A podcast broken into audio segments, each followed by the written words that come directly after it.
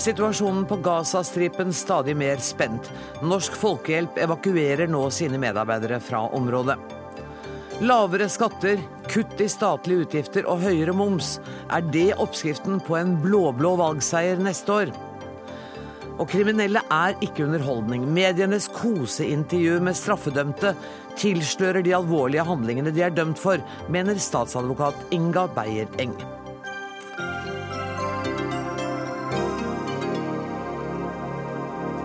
Dette er noen av sakene i Dagsnytt 18 i dag, der vi også skal møte landslagstreneren i ishockey som vil kaste foreldrene ut av barneidretten.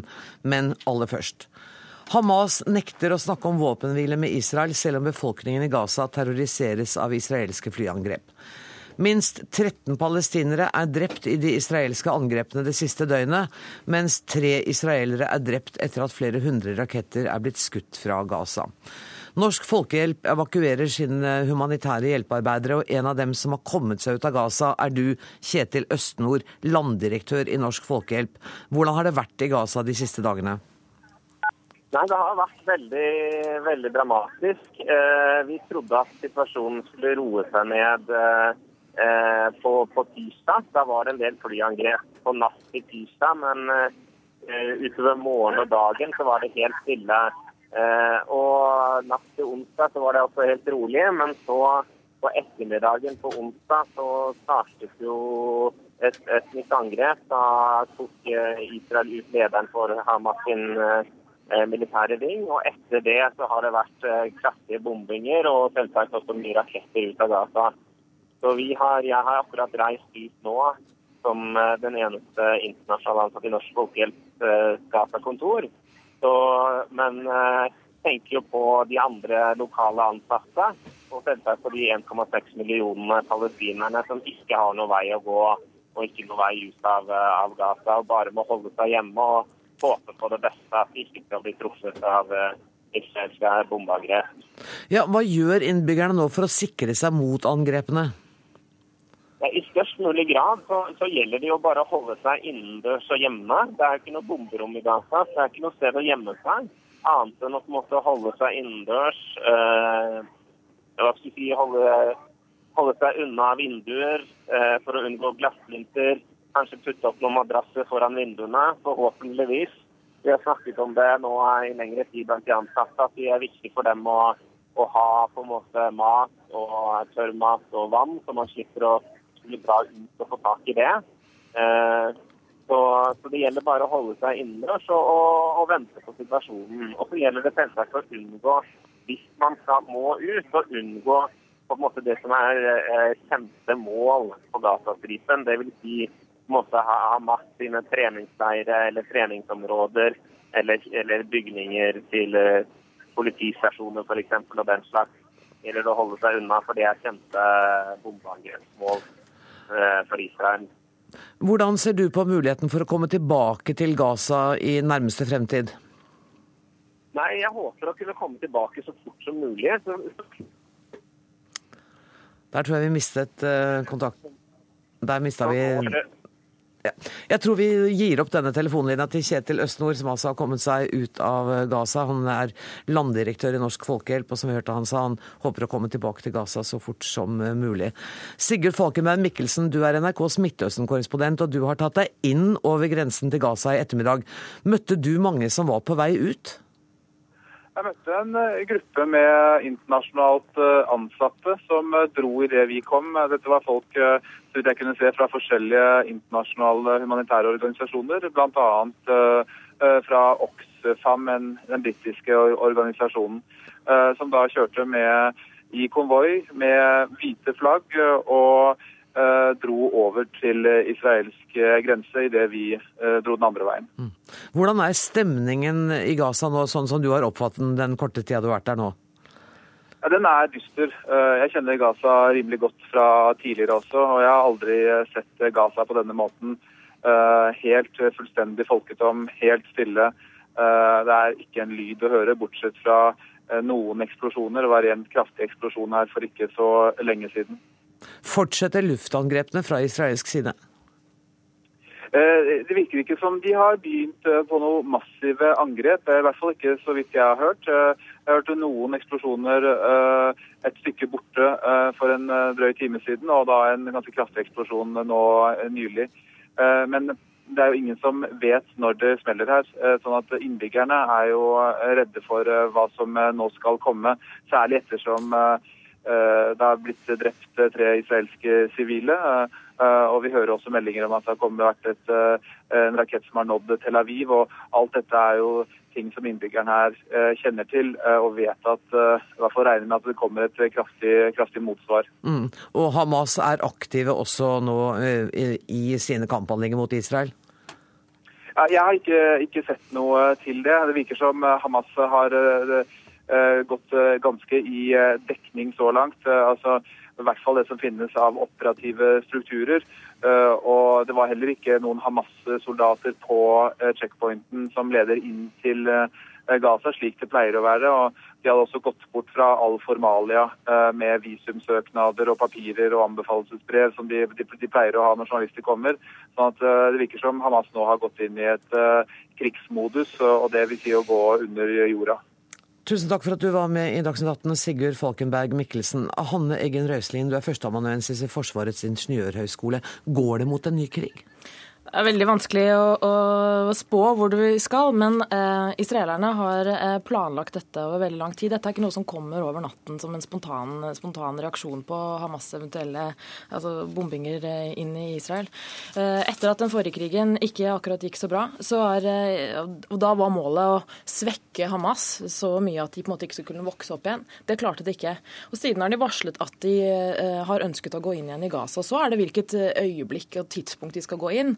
Nå ligger eh, veldig mange, mange, ting til rette for at de faktisk eh, kan gjøre det. Eh, enn så lenge så har jo israelerne under hele den arabiske våren sittet veldig stille. Jo, liksom, vi har jo ikke hørt et ord der nede fra på veldig lenge. Men så begynner det nå å bli ganske utrygt langs Israels grenser, både nord. Så Det ene er Syria, men også mot Libanon, også dette i Gaza. Sånn at israelerne er veldig engstelige og trenger og opplever at de må begynne å ta grep og på en måte begynne å vise litt muskler igjen, for de har sittet så stille så lenge. Utenriksminister Espen Barth Eide, må spørre deg også, går det mot en ny krig, sånn som du ser det? Jeg håper jo virkelig ikke det, men eh, det er en veldig alvorlig eskalering av eh, volden. Både fra eh, Hamas sin side og fra Israel sin side. Og vi ser jo nå at en rekke forskjellige aktører nører i, i, i det vannet som nå er skapt. Både konkret i Gaza, men også fordi hele Midtøsten-situasjonen er i en svært vanskelig og farlig situasjon. Og, og, jeg tror det mest fornuftige vi kan gjøre, er å oppfordre alle parter til nå å deeskalere og ikke bidra til ytterligere opptrapping. Eh, men det ser jo ikke ut til at det er den veien det har gått eh, så langt. Eh, du var sitert tidligere i dag på at du har sagt at Israel må ha lov til å forsvare seg. Det er klart at Israel som enhver annen stat har rett til å forsvare sine borgere eh, mot angrep. Eh, men samtidig er det viktig at eh, det tilsvaret er et forsvar, og altså eh, lever opp til vanlige krav til å skille mellom stridende og ikke-stridende, og er eh, proporsjonalt. Eh, er det det nå? Altså, jeg syns det er litt vanskelig å gjøre, ta en dom over det nå, fordi er, situasjonen er så kaotisk. Det er f.eks. åpenbart lov å angrepe rakettbatterier som brukes til å skyte inn mot Israel. Eh, og, så, så, det får man nesten se på litt etter hvert. Men det er i hvert fall en veldig viktig oppfordring. Samtidig som vi sier at Israel selvsagt har en rett til å forsvare seg, så er det også måter det forsvaret kan skje på, som vi følger, eh, følger med på. Problemet er jo at eh, Eh, hver gang man kanskje tror at det nærmer seg en form for politisk utvikling i Midtøsten, så skjer det noe av denne typen. Eh, og det er altså bare ekstremistene og de som ikke vil ha fred, som tjener på dette. Sivilbefolkningen og alle de på begge sider som ønsker en løsning, eh, taper på dette. Og jo lenger det varer, jo vanskeligere blir det. Mm. Det er sivilbefolkningen som er offeret. Mens Røslin, du mener jo at Israel nå reagerer etter et helt kjent mønster. Ja, jeg syns ikke vi skal bli så overrasket. Jeg syns eh, det har vært en eh, Altså det at de tok ut uh, denne lederen for Hamas, f.eks. Drepte. Drepte er ordet, selvfølgelig. Eller at de nå vil eventuelt bombe ganske hardt. Det er en del av Israels ganske etter hvert veletablerte doktrine. Israelerne har noe som heter inkludert i sin doktrine noe som heter targeted assassination, altså målrettede henrettelser, som de har forsøkt å få eh, anerkjennelse for i, også i folkeretten, nemlig det måte å ta ut ledere, særlig av Hamas og islamsk jihad. De gjorde det veldig mye i begynnelsen av forrige eh, intifada for å svekke disse organisasjonene i stor grad. Nå har jo ikke det lyktes så veldig, det er, men det er litt på siden. Vi ser jo sånn som vi gjorde i Libanon-krigen også. De går hardt inn eh, og veldig raskt. Og det er fordi at israelerne mener at de ikke eh, kan vinne kriger som vil strekke ut i tid. De opplever seg som en mye mer sårbar stat enn de nok oppfattes som her hjemme. Så så lenge de oppfatter seg som sårbare, så betyr det også at de ikke kan tåle en langtekkelig krig som også må gjøre at de må vinne den kort. Det innebærer altså på en måte kort og brutal handling. Ja, og uh, utenriksminister, dette, Hele regionen ser jo annerledes ut i dag mm. enn den gjorde i den treukerskrigen i 2008-2009. Uh, på hvilken måte spiller det inn i, i vurderingen fra Israels side? Den bør i hvert fall spille tungt inn, fordi at uh, mens man jo tradisjonelt har jo konflikten mellom israelere og palestinere stort sett dreid seg om israelere og palestinere, så ser vi jo nå et uh, Det er all grunn til å tro i hvert fall at det er et tilsig av jihadister fra andre områder, uh, fra Nord-Afrika, fra andre land i Midtøsten, som nå bruker Gaza som et slags sørlig teater for det som nå skjer i Syria som et slags nordlig teater i forhold til, til Israel. Og jeg tror vi bare skal innse at det er all grunn for Israel til å, føle, til å være bekymret for den strategiske situasjonen rundt. Det legitimerer jo ikke en hvilken som helst handling, men jeg tror, som Egen Røiselin sier, at det er viktig å forstå også den uh, psykologien som, som, er i Israel nå, etter da, massive rakettangrep. Og Det siste jeg hørte nå, er at uh, det er hørt eksplosjoner helt til Tel Aviv. Og Det har vi jo ikke sett på veldig veldig lang tid. og Hvis det, hvis det faktisk er, som vi frykter, raketter fra Gaza, så er det altså en helt ny situasjon. og Da er det vanskelig å se for seg at man begynner med å roe seg seg ned, for å si det slik, fra israelsk side. Så hele dette landskapet med en Syria-konflikt som er mye mer enn en borgerkrig mellom syriere, men som nå er en stor kamp mellom arabisk og persisk innflytelse og, og en rekke historiske konflikter som blusser opp igjen, det er alvorlig for alle menneskene i Midtøsten, enten de er israelere eller palestinere eller noe annet. Deler du denne vurderingen fra utenriksministeren? Eh, Hanne Ja, jeg vil egentlig bare trekke inn et land til. og det er at uh, nettopp uh, Dette her er ikke for israelerne en regional eller nei, intern konflikt mellom Israel og palestinerne og Hamas. Eh, utslagsgivende for dette er at israelerne ser på dette i forhold til Iran, og at Gaza og Hamas' tilstedeværelse i Gaza er en, måte, en Irans forlengede arm inn på eh, dette territoriet. Det er, og det er jo i det perspektivet israelerne nå reagerer såpass sterkt, og ikke nødvendigvis på Hamas, som i slik sett blir en ganske liten organisasjon. Men det er nettopp dette regionale bildet som vi må ha med for å forstå israelsk reaksjon. Og Det er jo ingen tvil om at Iran har støttet opp om regimet i Syria, og sånn sett nå er litt på vikende front ettersom eh, opposisjonen begynner å samle seg. Og, og, det er klart at det er et bakteppe når de tenker strategisk også. Så det, det er veldig veldig viktig å forstå at dette er nå virkelig storpolitikk, og har beveget seg ut av den tradisjonelle Israel-Palestina-konflikten som vi er vant til å analysere det innenfra. Uh, internasjonalt, uh, FN har jo hatt, FNs sikkerhetsråd hadde et møte i eh, natt. og Jeg skal høre med USA-korrespondent Anders Tvegård, som er på vei til New York nå. Hvordan vurderer FN det som skjer i Gaza nå? Nei, Her er det noe som ligger på Sikkerhetsrådets bord. Det var Egypt som ba om et uh, hastemøte. De fikk det til i går. Det er sjelden at Sikkerhetsrådet møtes uh, sent på kvelden amerikansk tid. Nå er det ikke noe Sikkerhetsrådet kan gjøre, annet enn å komme med uttalelser. De har heller ikke stått samlet om en uttalelse nå. Men her i, her i New York så letes dette her ja, Det er ikke dagen hvor vi har hell med telefonlinjene våre. Så vil jeg tror vi bare registrerer at vi mistet Anders Tvegård. Utenriksminister, FN-samtalene fortsetter jo. Bare kort til slutt. Hvilke forventninger har du til at det skal bli en felles uttalelse? Jeg vil i hvert fall si at jeg er enig med det eh, Ban Ki-moon, generalsekretæren i FN, har sagt. Og det er at nå må partene besinne seg. Nå er det veldig farlig for alle om dette fortsetter å eskalere. Og nå må rett og slett noen begynne å stoppe før dette dette eskalerer videre. Men jeg tror ikke vi skal ha altfor store forventninger til at Sikkerhetsrådet eh, kommer, er i stand til å si så veldig mye mer enn det. Eh, for der går jo splittelsene langs kjente linjer når det gjelder akkurat denne eh, konflikten her. Da sier jeg takk til dere, utenriksminister Espen Barth Eide og forsker Hanne Eggen Røiselin.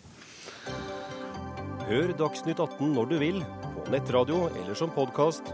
nrk.no – dagsnytt 18.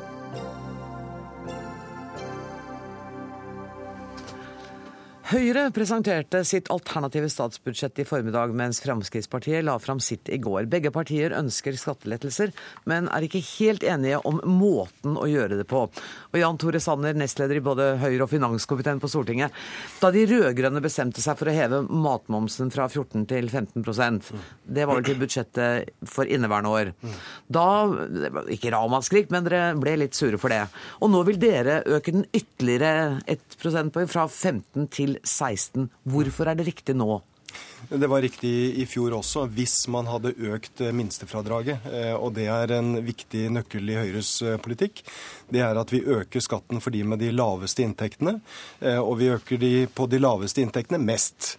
Og da mener vi at da er det en grei skatteveksling, fordi at 1% økt matmoms det gir helt marginale om noen utslag i, i, i, prisene. Det bekreftet også både Senterpartiet og Arbeiderpartiet i, i fjor, så det syns vi er greit. Men hva gjør det i utslag av inntekter til staten, da, med en økning på 1% Det øker inntektene med ca. 1 milliard, og det gjør det mulig for oss å senke skattene på vanlige lønnsinntekter, og det, det er viktig.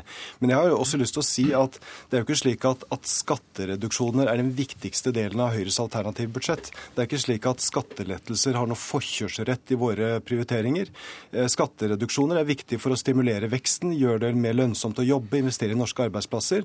Men det jeg og Erna Solberg har presentert i dag, det handler om en velferd som virker, som handler om å kutte sykehuskøene, løfte psykiatri og rusomsorg, satse på skole og forskning. Det er de viktige prioriteringene i vårt alternativ. Det, det forstår jeg, og det på en måte er konsekvensen av budsjettet. Men kan ikke vi eh, nå holde oss til det, til det budsjettet? Dere setter altså opp minstefradraget til 4000 kroner.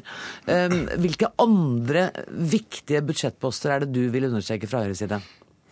På, på, skattesiden ja. Eh, på skattesiden så øker vi frikortgrensen, som gjør det mulig for studenter å jobbe noe mer. Eh, vi øker som du var inne på, minstefradraget, og så øker vi også innslagspunktet for toppskatten. Det er viktig for en del av de som ligger omtrent midt på treet. I løpet av de siste årene så har vi kommet opp i nesten én million som betaler toppskatt. Jeg syns det er altfor mye. Jeg syns ikke at en lektor eh, skal betale toppskatt. Og så reduserer vi også noe på, på formuesskatten, og det er viktig for å trygge norske arbeidsplasser. Når vi reduserer toppskatten, så er det for å, for å skape og trygge norske arbeidsplasser. Det er en viktig prioritering for oss. Hvis vi forlater skatten litt og ser på bruken av oljepengene våre, så ligger det ganske langt unna det forslaget som Fremskrittspartiet eh, har lagt fram i sitt budsjett. Så vidt jeg ser, så ligger det til og med under i forbruk med 800 millioner i forhold til det som regjeringen har budsjettert med. Hvorfor er dere så tilbakeholdne med å bruke oljepenger? Ja, Jeg vil ikke overdrive effekten av å bruke 800 millioner eh, mindre. Eh, men, men, vi mener at det er viktig å holde igjen på oljepengebruken av hensyn til norske arbeidsplasser. For Bruker vi for mye oljepenger, så kan det fort eh, føre til sterkere, sterkere krone. Men jeg tror at mye viktigere enn om du bruker 800 millioner mindre eller 800 millioner mer, så er det hvordan du bruker pengene. Og det er der vi sier at vi ønsker å satse på, på lærerne, at flere lærere skal få etter- og videreutdanning, forskning og innovasjon, investere investere mer i samferdsel. Kjempeviktig. Eh, både for distriktene og for, eh, for investeringene i, i, Norge.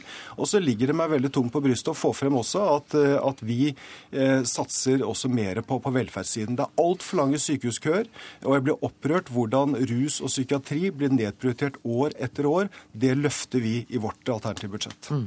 Eh, 800 millioner er ikke radikalt annerledes, men det er altså 5 milliarder mindre foreslått av eh, å bruke oljepenger i Høyres budsjett enn det er hos dere, Ketil Solvik-Olsen, finanspolitisk statsmann i Frp. Ja, det er det. Og Hva syns du om det? Nei, Det syns jeg ikke er problematisk i hele tatt. Vi har sendt vårt alternative statsbudsjett til SSB for beregning av konsekvensene. SSB konkluderer med at vårt budsjett vil gi høyere BNP, høyere sysselsetting, lavere rente og lavere inflasjon. Det syns jeg er gode indikatorer. Nå skal vi òg huske at litt av denne debatten her, og det syns jeg Høyre avslører når de sier de bruker mindre, de henter altså ut 1200 millioner kroner fra statlige selskap. De tar altså sparepengene deres for å balansere budsjettet, så vi kan spare mer oljepenger i utlandet. Det syns jeg er ansvarlig. På samme måten så tar jo eh, regjeringen og gir Husbanken 5 milliarder kroner på utsida av handlingsregelen. Så her jukser alle litt. Eh, jeg syns vi heller skal være ærlige på hvem vi bruker penger Det har ikke negativ effekt på norsk økonomi. Men det vi får gjort med de pengene Vi får styrke eh, folks økonomi mye mer enn det Høyre gjør. Vi gir 5600 kroner i skattelettelse til vanlige folk. Høyre gir en tusenlapp. Vi styrker helsevesenet med flere milliarder kroner. Vi bygger flere mil med vei, der Høyre bygger kilometer med vei. Men det som er fint med både Høyre og Frp, er at vi går i samme retning. Vi styrker de viktige områdene sammenlignet med regjeringspolitikk. Jeg, jeg, tror jeg formulerte meg litt feil. for jeg prøvde å spørre deg om, det var hva du syns om eh, Høyres forslag på å bruke 800 millioner mindre enn regjeringens forslag, når dere vil bruke 5 milliarder mer. Jeg prøvde å få fram avstanden mellom to partier som kan bli regjeringspartnere om et år. Og, og, så påpekte jeg at det Høyre gjør, det er at de tar mer penger fra statlige selskap inn i budsjettet. Men er det problematisk for dere? Nei, jeg syns ikke det er problematisk. Det du ser at vi gjør, det er at vi gir tilbake en del av utbyttet som denne regjeringen forsøker å ta fra NSB, fra Avinor. Vi skal altså bygge flere flyplasser, vi skal ha bedre jernbane. Da skal vi ikke drive på å ta utbytte fra de selskapene som sliter. Høyre tar enda mer fra de selskapene. Det er vi imot. og Det er litt der, det er derfor vi bruker mer oljepenger, fordi vi er ærlige på det vi gjør. Vi balanserer ikke budsjettet med å ta penger på utsiden, med å ta penger fra statlige selskap. Vi sier at norsk økonomi tåler de ekstra milliardene. Og Det som også er viktig å huske, det er at når vi bruker mer oljepenger, så er det gjennom skattelettelse, ikke gjennom økt forbruk. Vi reduserer statens utgifter totalt med 18 milliarder kroner. og Det gir større rom for privat næringsliv og for skattelettelser. Frp er altså mer ærlig enn dere, og det er ikke Hva var det han sa? Uh, og, og, og, forslaget deres er Arbeiderpartiet skal få komme på etterpå. Uh, og, og, forslaget deres er ikke inflasjonsdrivende, Sander. Jeg, jeg, har ikke noe behov for å karakterisere Fremskrittspartiets uh, opplegg. Nei, jo, jo, nei, nei, men jeg, jeg, har ikke det. Og jeg registrerer jo at avstanden mellom Fremskrittspartiet og Høyre den er blitt mye mindre de, de senere år. Og alle de borgerlige partiene trekker i samme retning. Vi er faktisk blitt enige om mer nå ti måneder før valget enn det de rød-grønne var ti måneder før valget i 2005. Vi har lagt frem forslag om å styrke forskningen, satse på frivilligheten, gjøre det mer lønnsomt å spare, modernisere Norge og også sørge for at flere får, syke, får sykehusbehandling. Det samler de borgerlige partiene, og det mener jeg eh, peker en tydelig retning. Og du vil se gjennom budsjettbehandlingen at de fire borgerlige eller ikke-sosialistiske partiene kommer til å samle seg om mer i løpet av de ukene vi har, har fremover. Det gjør at velgerne får tydelig valg. Vi har fire partier som ønsker å skifte regjeringen fordi vi synes at åtte år er mer enn nok. Og jeg tviler på at de vil få til noe på tolv år som de ikke har klart å få til på disse åtte. Og dermed var liksom stikkordet til Torgeir Micaelsen. Du er leder av Stortingets finanskomité og representerer Arbeiderpartiet. Ja. De, de, har altså kommet lengre i felles planlegging enn det Arbeiderpartiet eller den rød-grønne regjeringa klarte kan jeg først si at jeg bare syns det er så strålende at vi nå endelig får se kortene til mine herrer. Fordi vi har dessverre bare si, i løpet av de siste månedene og året hatt litt for mye sånn kontrollfokus, litt for mye kommentering av regjeringens opptreden og politikk, og lite om de politiske alternativene. Så det syns jeg er veldig bra. Eh, for å svare på spørsmålet ditt, vel, jeg er ikke så veldig imponert over at man klarer å bli enige om ting som nesten hele Stortinget er enige om, og som er da jo, men altså økte penger til forskning. Vi har økt forskningsbudsjettene med 32% reelt reelt siden vi tok over. Vi er enige om å styrke de frivillige. Vi er enige om en rekke forhold. Fem milliarder mer olje, av oljepengene? Ja, Det er vi ikke enige om. Nei. Men det er jo Høyres problem, og ikke mitt, tenker jeg. For det er jo ikke jeg som skal samarbeide med Solvik-Olsen og Frp. Eh, men det de ikke er enige om, og som de ikke har avklart, det er at Høyre har jo i dag lagt fram oppskriften på hvordan du kan kutte norske skatter med 20-25 milliarder i løpet av en stortingsperiode, hvis du akkumulerer det de har foreslått i dag, med ganger fire. Eh, mens Frp har lagt fram forslag på 23 milliarder kroner i skattelette, og har lov velgerne at de vil kutte skattene med 100 milliarder. Det har de, nå er det jeg som nå er det, nå, nå, okay, ja, Det får du korrigere meg etterpå, da. Så skattenivået har man altså ikke klart å bli enige om. Man har ikke klart å bli enige om regelbunnen i form av oljepenger. Eh, og en rekke andre forhold står igjen. Altså, de kan bli enige om det de er enige om. Det er ikke veldig vanskelig. Men det man ikke er enige om, det er det jeg syns kanskje hadde vært greit å få en avklaring. Men nå har de nesten et år på seg, da, og dere var jo ikke kommet så langt. Ja, men la meg, da skal, da skal, de få ordet, for da ser jeg de brenner etter å kommentere det jeg sier. Men de sier at det vi ikke har fått til på eh, syv-åtte år, skal altså vi ikke klare å få til. Vel, de har sittet nå i opposisjon og tenkt seg om og hatt grundig De har ikke tenkt å styre landet. De kunne bare tenkt på dette og klart å samarbeide og debattere og bli enige om de vanskelige spørsmålene. Har de blitt det? Nei, de er ikke i nærheten. Verken på skatt eller på handlingsregel. Og det syns jeg kanskje er jeg synes litt pussig. Dette begynner å bli litt morsomt, for dere kunne latt være å tenke på å styre landet. Det hadde vært mye lettere for regjeringa. For å si det sånn, det har gått ganske bra. Nå, nå er det jo slik at vi, vi, går inn i politikk fordi at vi er opptatt av å styre landet. Men jeg har bare lyst til å minne Torgeir Micaelsen om hva Raimond Johansen, som er partisekretær i Arbeiderpartiet, hva han har sagt. Han, han, han, han har sagt at, at det er dårlig folkeskikk å forhandle før et valg. Han har sagt det er dårlig folkeskikk å forhandle før et valg. Og vi ser jo at det de rød-grønne var enige om, nemlig EØS og Nato-medlemskap og skattenivå osv., det sprekker jo opp det nå. For nå skal jo SV og Senterpartiet ha omkamp og alt. Så jeg, tror ikke jeg ville vært så høy og mørk som Torgeir Micaelsen er. Jeg syns heller vi skal diskutere realitetene. Og det er altfor enkelt Torgeir Micaelsen, å si at det de fire borgerlige partiene står sammen om, det er alle enige om. Vel, da kunne dere jo gjort det. Og så Når vi satser på forskningen, vi satser på frivilligheten, og vi sørger for at flere får pasientbehandling, når de fire borgerlige partiene sier at vi skal løfte rusomsorgen og psykiatri, som har vært nedprioritert så kraftig, så kunne de rød-grønne gjort det, men de har ikke gjort det. Vi foreslår det. Ja. Solvik-Olsen, du får faktisk siste ordet. Vi må avslutte om noen få sekunder. altså fordi at det at Torgeir Micaelsen er sendt ut for å svartmale det opposisjonen gjør i alle anledninger, det får være hans kjedelige jobb i livet. Det vi viser, det er at det er mulig å tenke annerledes. Det er mulig å tenke en annen retning, der du lar det private initiativ få større rom. Der ikke staten må ta inn penger med en hånd, dele ut med den andre hånd og hele veien ha, ha den tilnærmingen. Men vi har altså en veldig god tone oss imellom. I fjor så var den kjeften vi fikk fra Torgeir Micaelsen at vi ikke klarte å bli enige om noen ting. Nå har vi klart å vise at vi blir enige om veldig mye, men så må velgerne bestemme. og Derfor er det viktig at vi ikke vekk alle uenigheter. Velgerne bestemmer hvis du vil ha en stor satsing på vei, stor satsing på helse og på skattelettelser, så er Frp det som leverer mest. Høyre er mer moderat. Venstre har en annen profil, KrF en annen profil. Men vi skal klare å bli enige om det beste balansen oss imellom når velgerne har sagt hvem som blir størst, nest størst osv. Eller hvis vi vinner valget, da, så er de i opposisjon i fire år til. Det det eneste som er helt sikkert, er at det er velgerne som bestemmer. Tusen takk, mine herrer. Jan Tore Sanner, Ketil Solvik-Olsen og Torgeir Micaelsen. Der inn kommer eh, Irene Halvorsen, som er samfunnsredaktør i Dagsavisen. Du hørte på denne debatten. Ja. Jeg vet ikke hvor mye du syns du fikk ut av det, men jeg har nå likevel tenkt å spørre deg. Det er mye som skiller Høyre og Fremskrittspartiet i synet på pengebruken, selv om de nå sier at vi er kommet et langt, langt skritt videre. Hva er det viktigste, etter din mening? Nei, Det er jo interessant å høre at de føler at de har kommet et langt stykke på vei, når det fortsatt er 18 og over 18 milliarder kroner som skiller dem. For det er jo en veldig betydelig sum penger. Eh, og mm, jeg må jo si at jeg opplever at Ketil Solvik-Olsen fra Fremskrittspartiet her eh, er eh, mild mot Jan Tore Sanner, fordi på Stortinget så snakker eh, Fremskrittspartifolket om at de syns at Høyres alternative budsjettforslag var fryktelig puslete, at det ikke at det jo er altfor nærme sentrum, altfor likt det bestående. Eh, Og etter det jeg har hørt, så har Fremskrittspartiets gruppe fått veldig klar marsjordre i dag. Ta for dere Høyres budsjettforslag og eh, pell det i fillebiter, og komme tilbake og fortelle oss eh, hva vi kan gå til angrep på. Det er jo de to som skal liksom presumptivt være de to nærmeste, da, eh, eh, sammen mot de rød-grønne. Men er Solvik-Olsen gjorde jo ikke det nå. Nei, han gjorde ikke det nå. Men eh, det er det jeg hører at de snakker om når døra er lukket.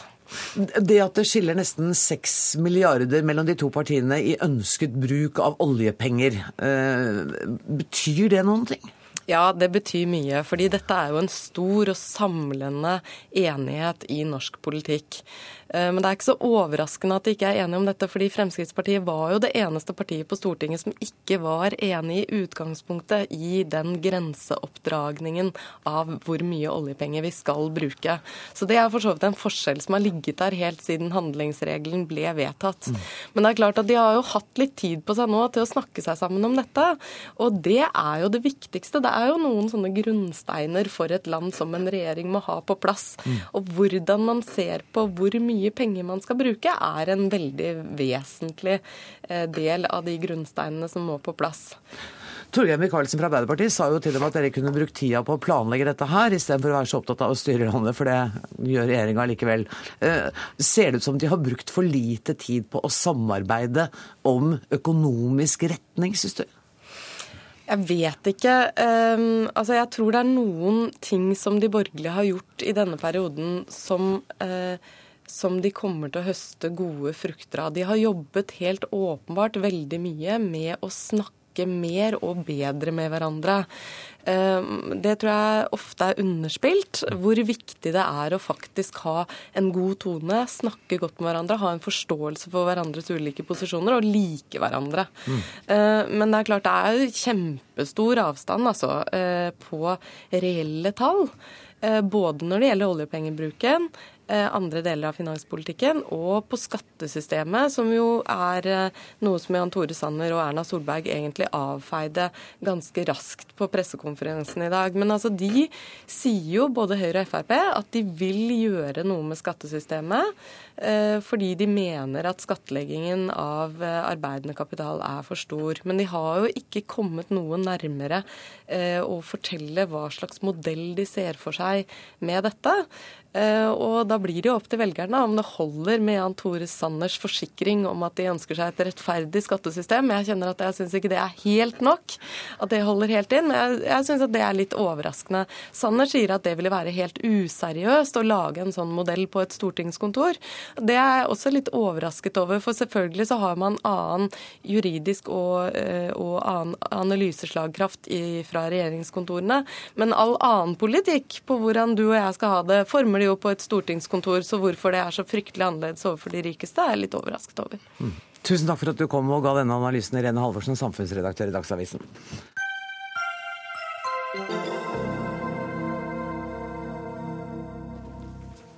Det må bli slutt på at mediene gjør ufarlige hyggeintervjuer med straffedømte. Det mener statsadvokat Inga Beyer Eng. I et debattinnlegg i Aftenposten i dag sier hun at slike intervjuer bidrar til å tåkelegge de kriminelle handlingene som vedkommende har begått. Denne gangen er eksempelet et intervju med Veronica Orderud i Dagbladet. Men vi er flere som har gjort intervjuer av denne typen, også med Veronica Orderud. Og statsadvokat Inga Beyer Eng, hva er det du reagerer sånn på? Det jeg reagerer på, er at enkelte personer som har begått svært alvorlige straffbare handlinger, blir kjent og får oppmerksomhet på bakgrunn av at de har begått en alvorlig straffbar handling. Altså vi, vi, grunnen til at vi, eller media, fremstiller Veronica Orderud, da, som du sier, enten på TV eller radio eller om det er i avisen, er jo fordi hun er kjent for å ha blitt dømt for drapet på tre mennesker. Mm. Og da tenker jeg, synes på en måte det Jeg vet ikke om det er noe jeg ønsker at uh, vi skal ha oppmerksomhet rundt. Men kan du forstå at mennesker som er dømt til en så lang straff som 21 år, som hun jo er, at at deres liv og deres tanker også er interessante for oss? Ja, ja, det, det, må jo antagelig være noen som syns det er interessant. Da, Men du syns ikke det? Media, nei, vet du hva, jeg syns egentlig ikke det er noe interessant om hun syns det er trist å leve et liv i fengsel uten dyr. Det, det syns jeg ærlig talt ikke, hvis jeg skal være litt personlig med deg. Det, det syns jeg ikke. Og jeg, jeg, det jeg syns er spesielt i den saken, det er at det er ingen nære etterlatte Altså, Det er ingen barn igjen som sitter, og det er, ikke, det er ikke noe tom plass rundt et middagsbord. Slik at det er på en måte ingen som kan ta til orde og si at vet du hva, vi syns det er støtende at hun får sitte og fortelle at hennes liv ikke ble som hun hadde trodd, og at hennes drømmer har gått i knus. Mm. Eh, det er på en måte ingen. Mens i andre saker hvor det er da en mor og far igjen, eller hvor det er barn igjen, så, så vil i hvert fall de med en bistandsadvokat kunne si opp stopp en halv, dette vil vi ikke høre, dette er, er etisk galt. Mens her er det på en måte i denne saken virker som det er liksom helt fritt fram. Og det var derfor jeg stilte det spørsmålet har vi egentlig glemt bakgrunnen for at vi vet hvem Veronica Orderud er? Men du, du, påtar deg på en måte da å, å snakke på vegne av, av ofrene her. Men mener du at det burde vært et forbud mot at vi gjorde denne type intervjuer? Nei. Altså, jeg tror ikke man skal drive og lovregulere alt, selv om jeg er jurist. Jeg tror at media meget godt kan klare det selv. Mm. Tenke seg litt om, prøve å sette seg inn i hva, hva er det det, ikke, det, må da finnes mange andre interessante personer man kan intervjue. Eh, altså, så jeg tenker at eh, Men jeg tror kanskje at i denne saken så er det blitt Eh, litt slik at når man har gjentatt eller sagt så mange ganger at man ikke er skyldig, da, at man ikke har gjort noe galt, så er det på et eller annet tidspunkt som om alle tror at det er sånn. Mm.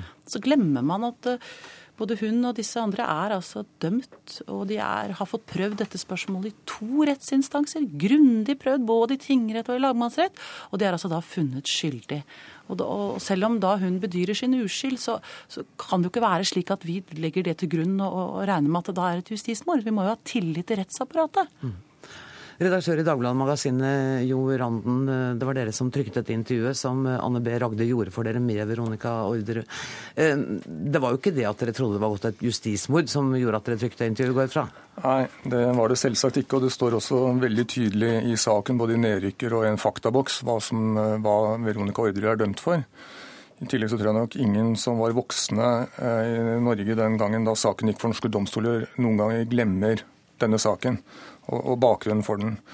Eh, Bakgrunnen for denne spesielle saken, da nevner jo Beyer Eng flere, flere TV-programmer og, og saker i sitt debattinnlegg, men, men den saken som sto i magasinet, bakgrunnen for den var rett og slett at vi har en serie der vi ber norske forfattere om å velge seg en person de vil intervjue. Vi tror at denne serien, eh, både gjennom hvilke personer forfatterne velger å intervjue, og hvilke spørsmål de stiller, så tror vi denne serien både vil si noe om forfatteren og intervjuobjektet. Anne B. Ragde valgte å intervjue Veronica Orderud.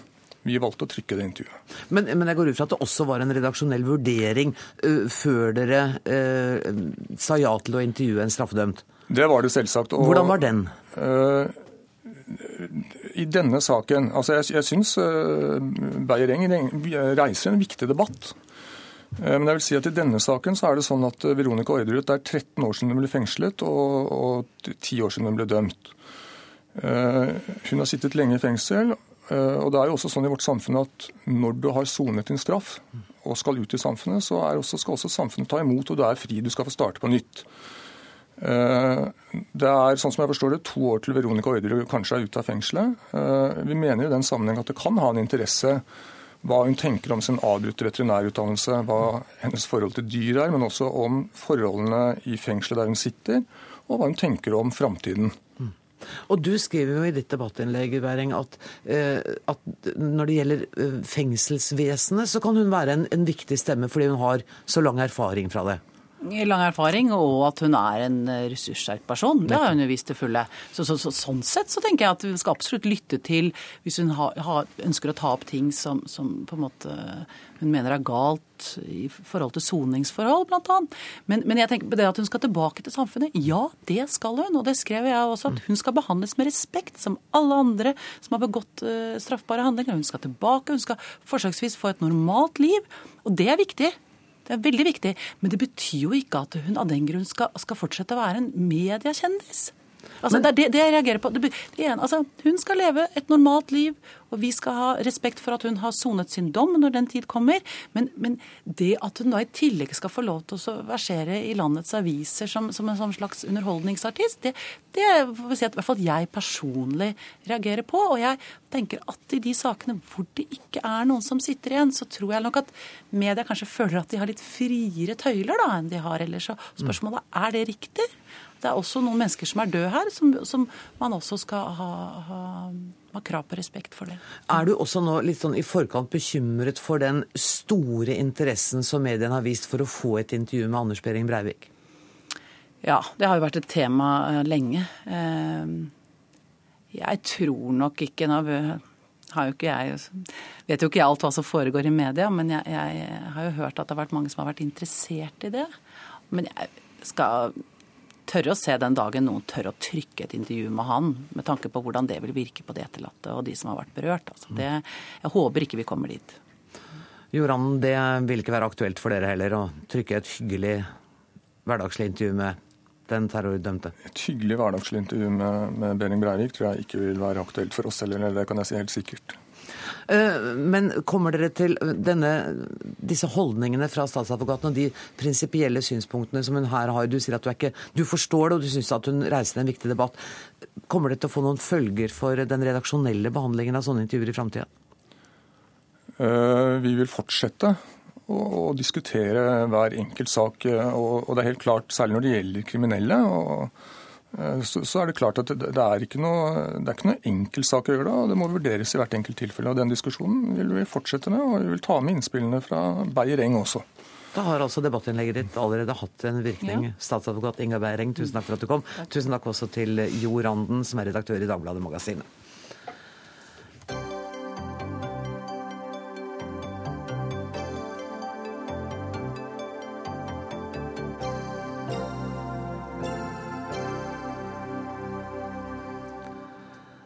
Kongens fortjenestemedalje i sølv til Trond Ali Lindstad slettes.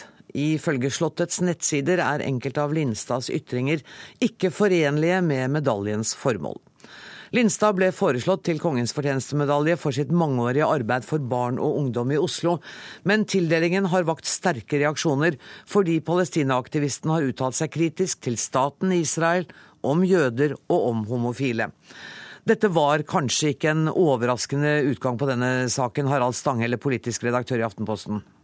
Nei, det var jo ikke det, fordi at eh, Slottet kom i en veldig vanskelig situasjon når handlingene Trond Arne Lindstad ble hedra for, ble stilt opp imot holdningene som han har gitt uttrykk for i, eh, gjennom mange år.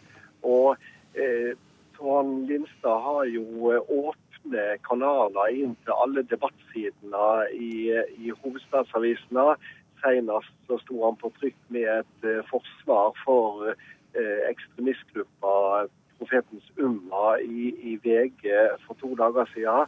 Eh, men eh, Så det er ikke ytringsfriheten dette dreier seg om. Det dreier seg rett og slett om det er riktig å hedre han eh, for andre sider av hans virksomhet. Men burde ikke den vurderingen være gjort før tildelingen skjedde? Jo, og her er det noen som har gjort en dårlig jobb.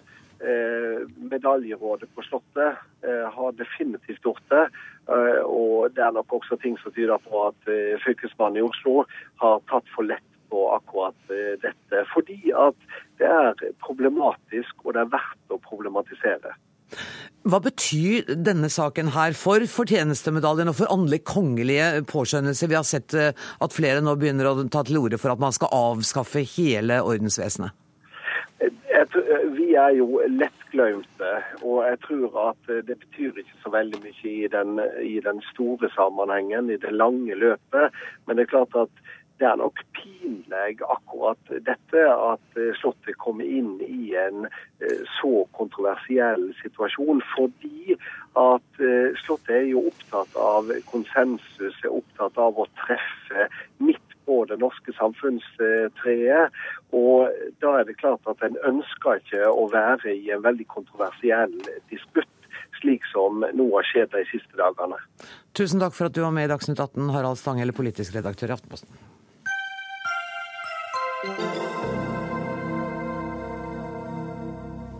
SV har brukt Afghanistan for å løse interne konflikter og villeder velgerne om krigføring. Det mener forfatter og Kristelig Folkeparti-politiker Malin Stensønes, som sier at SV ikke kan fraskrive seg ansvaret for den norske krigføringen. På hvilken måte har SV brukt Afghanistan for å håndtere interne konflikter, Stensønes? Jeg tar utgangspunkt i det Kristin Alvorsen selv har beskrevet i sin bok. Eh, og det er en bok som i veldig stor grad handler om Eh, at SV har brukt brukt Afghanistan-krigen for å dempe de interne konfliktene. At håndteringen har handlet om å kontrollere interne konflikter, sånn at SV har kunnet fortsette å sitte i regjering. Eh, men det viktigste jeg tror jeg påpeker, er at eh, noen av de sakene som hun trekker frem, som gjennomslag, ikke har hatt noen virkning ut i felt. Eh, og Det gjelder bl.a. Eh, i forhold til angrepskrig, hvor hun beskriver at en av de viktigste seierne som SV hadde, eh, var at man hindret at norske soldater gikk i angrepskrig i sør. Men det hun ikke forteller, det er jo at norske soldater har deltatt i en rekke angrepsoperasjoner i Afghanistan, men de har gjort det i nord. Eh, og For SV så vil jo jeg tro at dette ikke er et spørsmål om eh, geografi, men at det er et spørsmål om angrepskrig. Og norske soldater har deltatt i angrepskrig. Mm. Ja, da må jeg få en kommentar allerede nå fra deg, Bård Vegar Solhjell, du er miljøvernminister. Eh, har det vært riktig at den interne konflikten i SV har vært avgjørende for hvordan dere i regjering har taklet det? Du vet hva, jeg, jeg opplever det faktisk veldig ofte motsatt av det. Jeg syns både jeg sjøl og mange andre i SV ofte har prøvd å skape virkelig debatt i Norge. Var det riktig å gå inn i Afghanistan? Hva skjer nå der? Burde vi trekke oss ut? Bør vi gjøre ting annerledes? Senest denne uka her så prøvde jeg å skape debatt om det som skjedde var riktig, og hva det må bety for oss framover. Mens derimot så har eh, politikere fra andre partier, medier og andre, vært lite opptatt av hva vi sier om det som skjer i Afghanistan, men veldig opptatt av uenighet mellom SV og andre partier, det indre spillet i SV, alt om vi har det bra eller vondt med det som skjer, alt det. Jeg, jeg kan snakke for meg sjøl.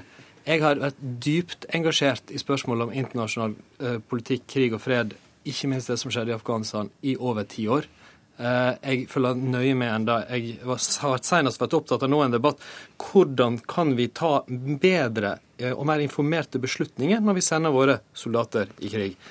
Så, så, jeg er faktisk helt uenig i den beskrivelsen som Stensønes sier her. Og du kjenner deg overhodet ikke igjen i at det kan være indremedisinske årsaker i partiet som gjør at visse strategiske valg blir tatt? Du, jeg tror Det politiske partiet som hevder at de aldri tar hensyn til partiet sitt, ja. de snakker nok ikke helt sant. Nei. Men i den debatten her så syns jeg ofte det har vært SV som har ønska å tatt belastning med å diskutere det som faktisk skjer, mens en del andre har skygga banen.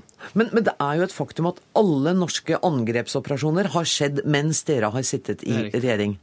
Og jeg tar uh, ansvar for at jeg har sittet i regjering mens det skjer, og jeg mener det er riktig at vi har sittet i regjering, bl.a. fordi vi har påvirka norsk Afghanistan-politikk på tre særlige måter. Okay. For det første mer bistand. Norge har vært det landet som relativt sett har hatt mest bistand, ikke bare militær innsats. For det andre, en dreining, av jobber for en dreining av strategien til de internasjonale styrkene i Nato fra en veldig sånn militarisert strategi til en strategi som er helhetlig så på hvordan vi skal utvikle samfunnet. Og sist, men ikke minst, vi ble lenge latterliggjort for det. Vi sa vi må forhandle med Taliban for å holde oss til alle grupper etter en del år så ble det ikke bare norske, det norske synet, til og med den amerikanske presidenten åpna for en mer sånn tenkning. Der mener jeg vi har hatt en påvirkning, selv om vi, har, det, det, altså vi skulle delta i krigen, var noe eh, SV de siste årene har vært mot. Malin Stensøynes, er dette en beskrivelse du kjenner igjen ut fra de intervjuene du har gjort i, i boka di? Nei, men det, Dette er jo en helt annen sak. Eh, fordi Det jeg har tatt til orde for, det er at vi må tørre å diskutere den reelle krigen som Norge har stått i i Afghanistan. Eh, når Kristin Halvorsen beskriver det vi har hatt ansvaret for i nord som en fredsbevarende operasjon under FN-mandat, så er det veldig langt unna de beskrivelsene som norske soldater gjør. Og det er også mange ting ved den beskrivelsen som jeg mener er direkte feil. Eh, for det første så er jo alle operasjoner gjennomført av Nato i Afghanistan har vært gjennomført under et FN-mandat. For det andre så er jo den beskrivelsen som norske soldater gir, er at sikkerhetssituasjonen i Afghanistan har blitt dramatisk forverra. Mm. I de siste kontingentene så gikk man kontinuerlig inn i eh, stridskontakter. Og det er jo faktisk sånn at for første gang siden annen verdenskrig så har norske bakkestyrker vært brukt i bakkeoperasjoner, altså i angrepsoperasjoner. Det er SVs ansvar i regjering. Og det tok han? Det har han sagt jo, at han tar det? Jo, og det må man. Man må være veldig tydelig på dette ansvaret. og det til tillegger oss alle som ledere. Eh, og, men noe av det som er litt krevende med å diskutere med SV, er jo fordi man sier forskjellige ting i ulike sammenhenger. Og er dette Jeg tenker at som ledere så må vi tørre å sette ord på det som har vært vanskelig i eh, Afghanistan. Men, men Malin jeg reagerer litt fordi jeg, jeg føler for, for min del at jeg kanskje mer enn veldig mange andre politikere har gjort det. Jeg skal òg ut ei bok for et års tid siden med flere kapitler om det som har skjedd i Afghanistan. Et av dem handler om en som døde i Afghanistan, som òg er omtalt i din ganske gode eh, bok. Og har, Vi har mange ganger prøvd å få debattert det i Stortinget. Jeg har deltatt i debatter i det offentlighet. Jeg vil si at Vi har vært pådrivere for en ærlig og virkelig debatt om bl.a. det du nå får fram at det har vært eh, regelrette krigsoperasjoner, mer dramatiske enn siden andre verdenskrig Norge har deltatt i der. Men er det da et kommunikasjonsproblem, siden Stensandis ikke oppfatter at dere har vært helt åpne og ærlige om dette? Altså, eh, Det kan hende hun ser det sånn. Jeg, jeg syns det er rart eh, at hun ikke kan anerkjenne at nettopp SV har vært opptatt av å føre en virkelig debatt. Men jeg tror nå kanskje også det ligger under at hun kanskje er uenig med oss i konklusjonen. Eh, og derfor kritisere oss. Kan det være mulig? Stensnes? Jo, men jeg, det er jeg muligens på noen områder. Men jeg tror faktisk at SV vil være enig i en del eh, sammenhenger. Men jeg mener ikke at SV har vært tydelig i sin kommunikasjon på Afghanistan. Eh, og når det gjelder eh, de operasjonene, bl.a. som har vært gjennomført eh, i nord, så er det faktisk veldig langt unna fredsbevarende operasjoner, mm. som dere har forsøkt å kommunisere. Eh, og vi må Eh, og det å hele tiden referere tilbake til 2001, det syns jeg vi kan gjerne diskutere utgangspunktet for inntreden i 2001, og også regler for, eh, eller en doktrine for når vi skal anvende militærmakt. Eh, men det er faktisk en annen debatt enn den eh, jeg har forsøkt å reise her. Men dette med fredsbevarende operasjoner, ja. Solhjell. Jeg jeg tar hvilken som helst av de debattene om hvilken som helst år, jeg. Men kort om det. Det hun har kritisert, er at Kristin Halvorsen skriver i sin bok om hva som skjedde på en måte behind the scenes i den rød-grønne regjeringa. Det handler jo boka henne om, òg på det her. I 2006-2007 så var bildet i Afghanistan at det var dramatisk, eh, ganske tøff krigføring i sør, mye roligere i nord. Så skjedde en annen ting, det at de to operasjonene som var i Afghanistan, ble slått sammen. På det tidspunktet så var SVs vurdering at det var riktig at Norge ikke skulle delta i sør. Og det fikk vi til i en løsning som vi syntes var ganske god. Så har det endra seg veldig. For det har vært en dramatisk opptrapping og forverring av sikkerhetssituasjonen i nord. Det var vil jeg si, på mange måter verre i nord de siste årene enn det var i sør i 2006-2007. Kanskje er det litt underkommunisert i hennes bok, men jeg synes du skal gi henne det at det er jo en bok som handler om det indre livet i regjeringa, ikke om Afghanistan. Og, og, vi skal ikke og vi skal ikke diskutere hva Kristin Halvorsen. Vi er nødt til å avrunde oss. Jeg har bare lyst til å spørre Solhjell helt til slutt. Eh, Knut Arild Hareide har tatt til orde for en gjennomgåelse av det samlede norske engasjementet i Afghanistan. Og Han sier at det kan skje på flere måter, men f.eks. ved å sette inn en kommisjon. Helt kort, Er det en tanke du kunne Altså, Jeg vil ikke utelukke det, men jeg syns kanskje det rareste med det forslaget Nå har vi jo hatt elleve år på å debattere det her. Han kunne jo tatt opp den debatten når som helst mens det var aktuelt. Jeg syns det hadde vært bedre enn å komme med forslag i ettertid. Da må jeg si tusen takk til Malin Stensønes og til Bård Vegar Solhjell.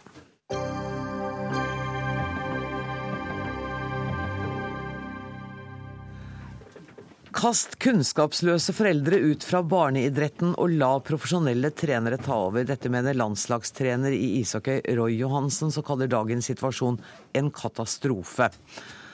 Roy Johansen, velkommen hit. Du mener at eh, utdannede trenere bør inn allerede for barn så tidlig som i 6-7-årsalderen.